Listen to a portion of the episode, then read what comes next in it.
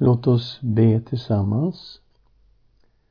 Tack gode Gud för Sakarjas bok. Tack för dessa underbara profetior som vi möter i den här boken. Där så många handlar om dig, Herre Jesus Kristus. Vi ber om nåd att du ska öppna våra ögon, fylla oss med din heliga Ande och tala till oss. I Jesu Kristi namn. Amen. Ja, vi ska börja med ett bakgrundsstudium. Men det här bakgrundsstudiet liknar ju det som vi hade i Esra och Nehemja och Hagai. Så jag kommer att gå över det här väldigt schematiskt nu. Men jag vill ändå lägga den här bakgrunden för att jag tror att den är viktig. Vi ska titta först på det medisk-persiska imperiet. Det är den tiden vi befinner oss i. Koresh var ju kung av Persien och befälhavaren över den medisk-persiska armén som intog Babel 539 f.Kr. Det var också Koresh som samma år lät judarna återvända till Jerusalem för att bygga upp templet. Och det här är sånt som vi har läst om tidigare i Esra kapitel 1, vers 1 till 4.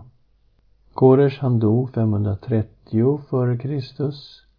Och vi hoppar ner till 522 när Darius, han som också kallas Dariavers i Bibeln, han tog makten genom en kupp och regerade 522 till 486 f.Kr.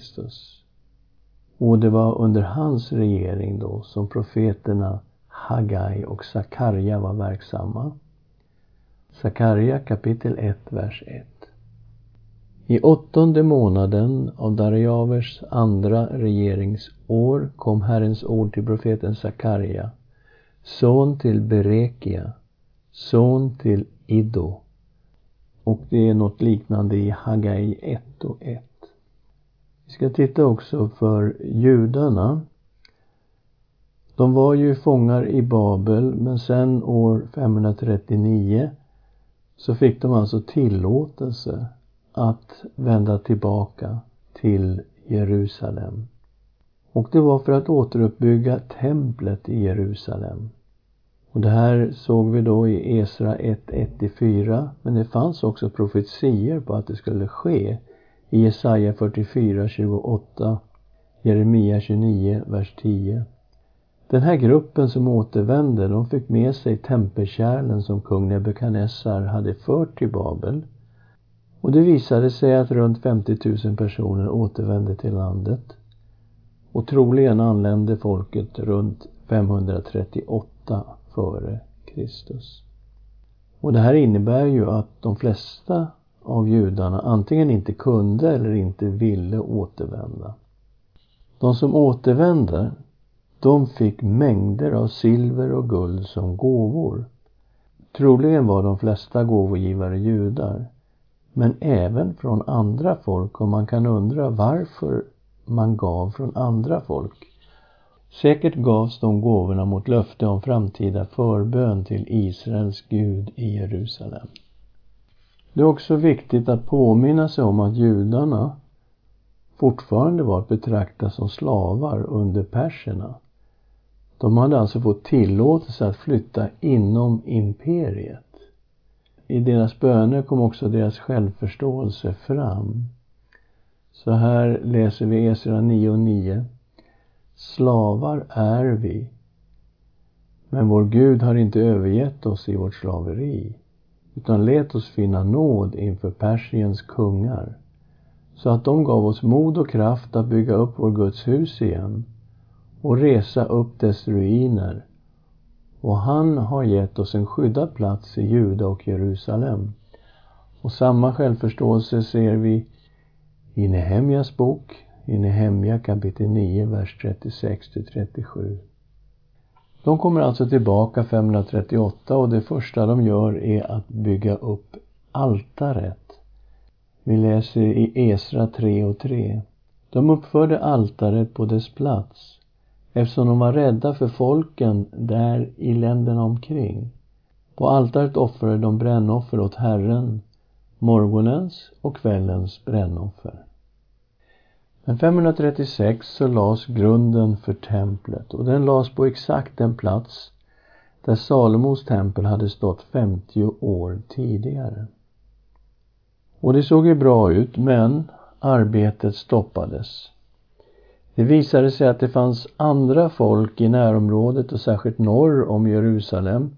Där var det ju folkslag som assyrierna hade tvångsförflyttat in i norra delen av landet. Och det var ju det här blandfolket som med tiden blev samarierna. De tillbad Jahve plus sina egna gudar och nu ville de vara med i tempelbygget. Men judarna sa nej. Och det blev sådana motsättningar att hela tempelbygget stannade av och det låg nere i ett stort antal år. Det var först i Darijavers regering, han som tillträdde 522 f.Kr. som det började hända saker och ting. I verkligheten låg tempelbygget nere till 520 f.Kr. För det var då som Herren reste upp profeterna Hagai och Sakarja. Problemet var alltså inte bara motståndet från andra folk i närområdet. Ett annat problem som blev tydligt först i Nehemjas bok, det var att Jerusalem var närmast öde. Det ser man i Nehemja kapitel 2, vers 3, kapitel 2, vers 17, kapitel 4, vers 22, kapitel 7, vers 4 till 6. Vad hade hänt? Jo, judarna bodde på de platser där deras släkte kommit ifrån. Men Jerusalem var fortfarande till stora delar i ruiner. Husen och murarna var nerrivna. Staden hade bränts ner av babylonierna 586 och den hade aldrig byggts upp. Och det är alltså i den här situationen som Herren reser upp profeterna Haggai och Sakarja och resultatet blev att tempelbygget återupptogs och kunde färdigställas 516 före Kristus. En väldigt viktig sak i en skrivelse som kom till i samband med att de började återuppta tempelbygget. Man skrev till den nye kungen Dariavers och man hänvisar i den här skrivelsen till Korers dekret att templet skulle återuppbyggas. Och när man gjorde efterforskningar i Persiens arkiv så fann man ju att detta stämde. Kung Dariavers, han sa till på skarpen att templet måste byggas upp. Och det är i Esra kapitel 5, vers 6 till 10. Så här svarade Dariavers. Och nu ska du, Tatenai, ståthållare i landet på andra sidan floden. Och landet på andra sidan floden, det var allt land som låg väster om floden Eufrat. Så det var ju väldigt stort landområde.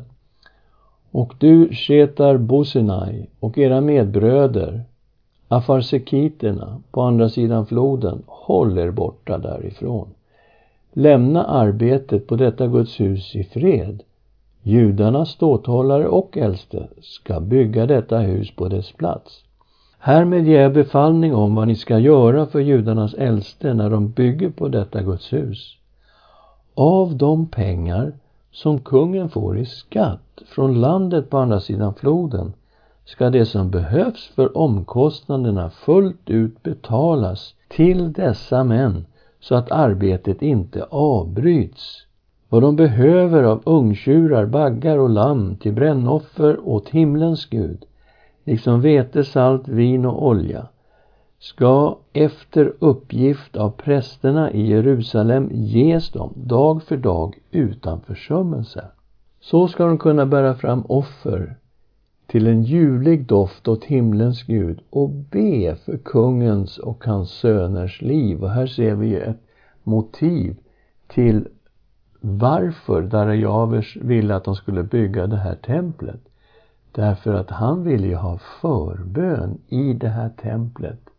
För sig själv och för sin familj. Men vi ser också att hela det här bygget blev ju faktiskt skattefinansierat. Och till och med gudstjänsten och allt som behövdes för gudstjänsten blev skattefinansierad. Så Herren försåg på ett makalöst sätt. Och som vi sa, år 516 invigdes det nya templet och man firade Herrens påsk. Och det kan vi läsa om i Esra kapitel 6, vers 19 till 22. Vad kan vi säga om författaren då? Sakarja var av prästsläkt. Det förstår vi. I Sakarja 1, vers 1. I åttonde månaden av Darjavers andra regeringsår kom Herrens ord till profeten Sakarja, son till Berekia, son till Iddo. Okej. Okay. Vi går till Nehemja kapitel 12, vers 1. Och här har vi en förteckning över präster och leviter som följde med när Serubabel och Josua ledde folket tillbaka år 538. Och här finns Iddo nämnd och vi såg att Sakarjas farfar hette Iddo. I sextonde versen kan vi läsa för Iddo Sakarja. Så han var alltså sonson till Iddo.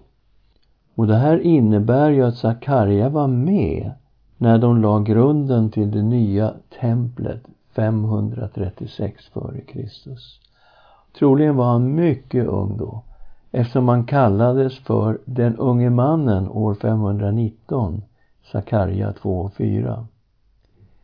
Enligt en arameisk targum till Klagovisna och targum det är ett ord för översättning, dog Sakarja martyrdöden i templet. Och det här är faktiskt något som Jesus bekräftade. Vi kan se det i Matteus kapitel 23, vers 35. Och Jesus talar här till skriftlärda och fariseer.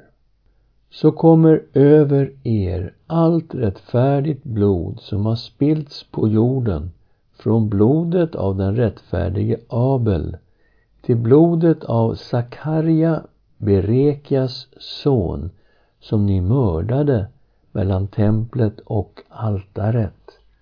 Så här bekräftar Jesus att Sakarja led martyrdöden och vi såg i kapitel 1 av Sakarjas bok att han är Berekias son.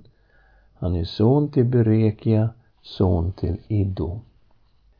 Vad är det för datering på den här boken? Ja, när den startar, det är ju daterat redan här i första versen, det är år 520. Men när slutar den? Det är lite mer otydligt. Vi har satt 480, det kan vara ännu senare faktiskt. Anledningen till att man tror att Sakarja profeterade runt 480 f.Kr. det är att Grekland är omnämnt som en fiende, kapitel 9, vers 13. Persiens kung Xerxes, som i Bibeln heter Ahasveros, det var han som gifte sig med Ester, han anföll Grekland 481 f.Kr. och överraskande nog förlorade han det kriget. Och det här gjorde ju att Grekland blev ett hot för hela regionen. Så därför tror vi att delar av Sakarjas bok, framförallt de sista sex kapitlen, de har tillkommit ganska sent fram emot 480 f.Kr. Vad kan vi säga om den här boken? Ja, i februari 519 så fick Sakarja åtta symboliska syner under en och samma natt. Och det här är kapitel 1 till 6. År 518 då kom undervisning om fastedagar som skulle bli till nya glädjedagar. Och det här är kapitel 7 och 8. Och så har vi då de här kapitlerna som vi lägger lite senare. Kapitel 9 till 14. Här möter vi profetior om framtiden och de här kapitlerna, de är messianska. Och teman som vi hittar i den här boken, första delen av boken är fokuserad på att bygga klart Guds tempel i Jerusalem och tempelgudstjänsten som ska komma igång. Den andra delen handlar om framtida dom och frälsning. Vi hittar flera symboler och teman här från tidigare profeter och vi kommer att möta ett antal profetior om Jesus Kristus i Sakarjas bok. Men det får vi ta upp längre fram. Låt oss be tillsammans. Tack Herre att du såg den situation som de befann sig i. Att grunden för templet var lagd. Men tempelbygget låg nere. Tack att du, Herre, reste upp profeterna Hagai och Sakarja och att du använde dem för att få igång tempelbygget och slutföra det. Tack att du försåg med allt vad de behövde för det här bygget och för hela gudstjänsten. Vi ger dig ära.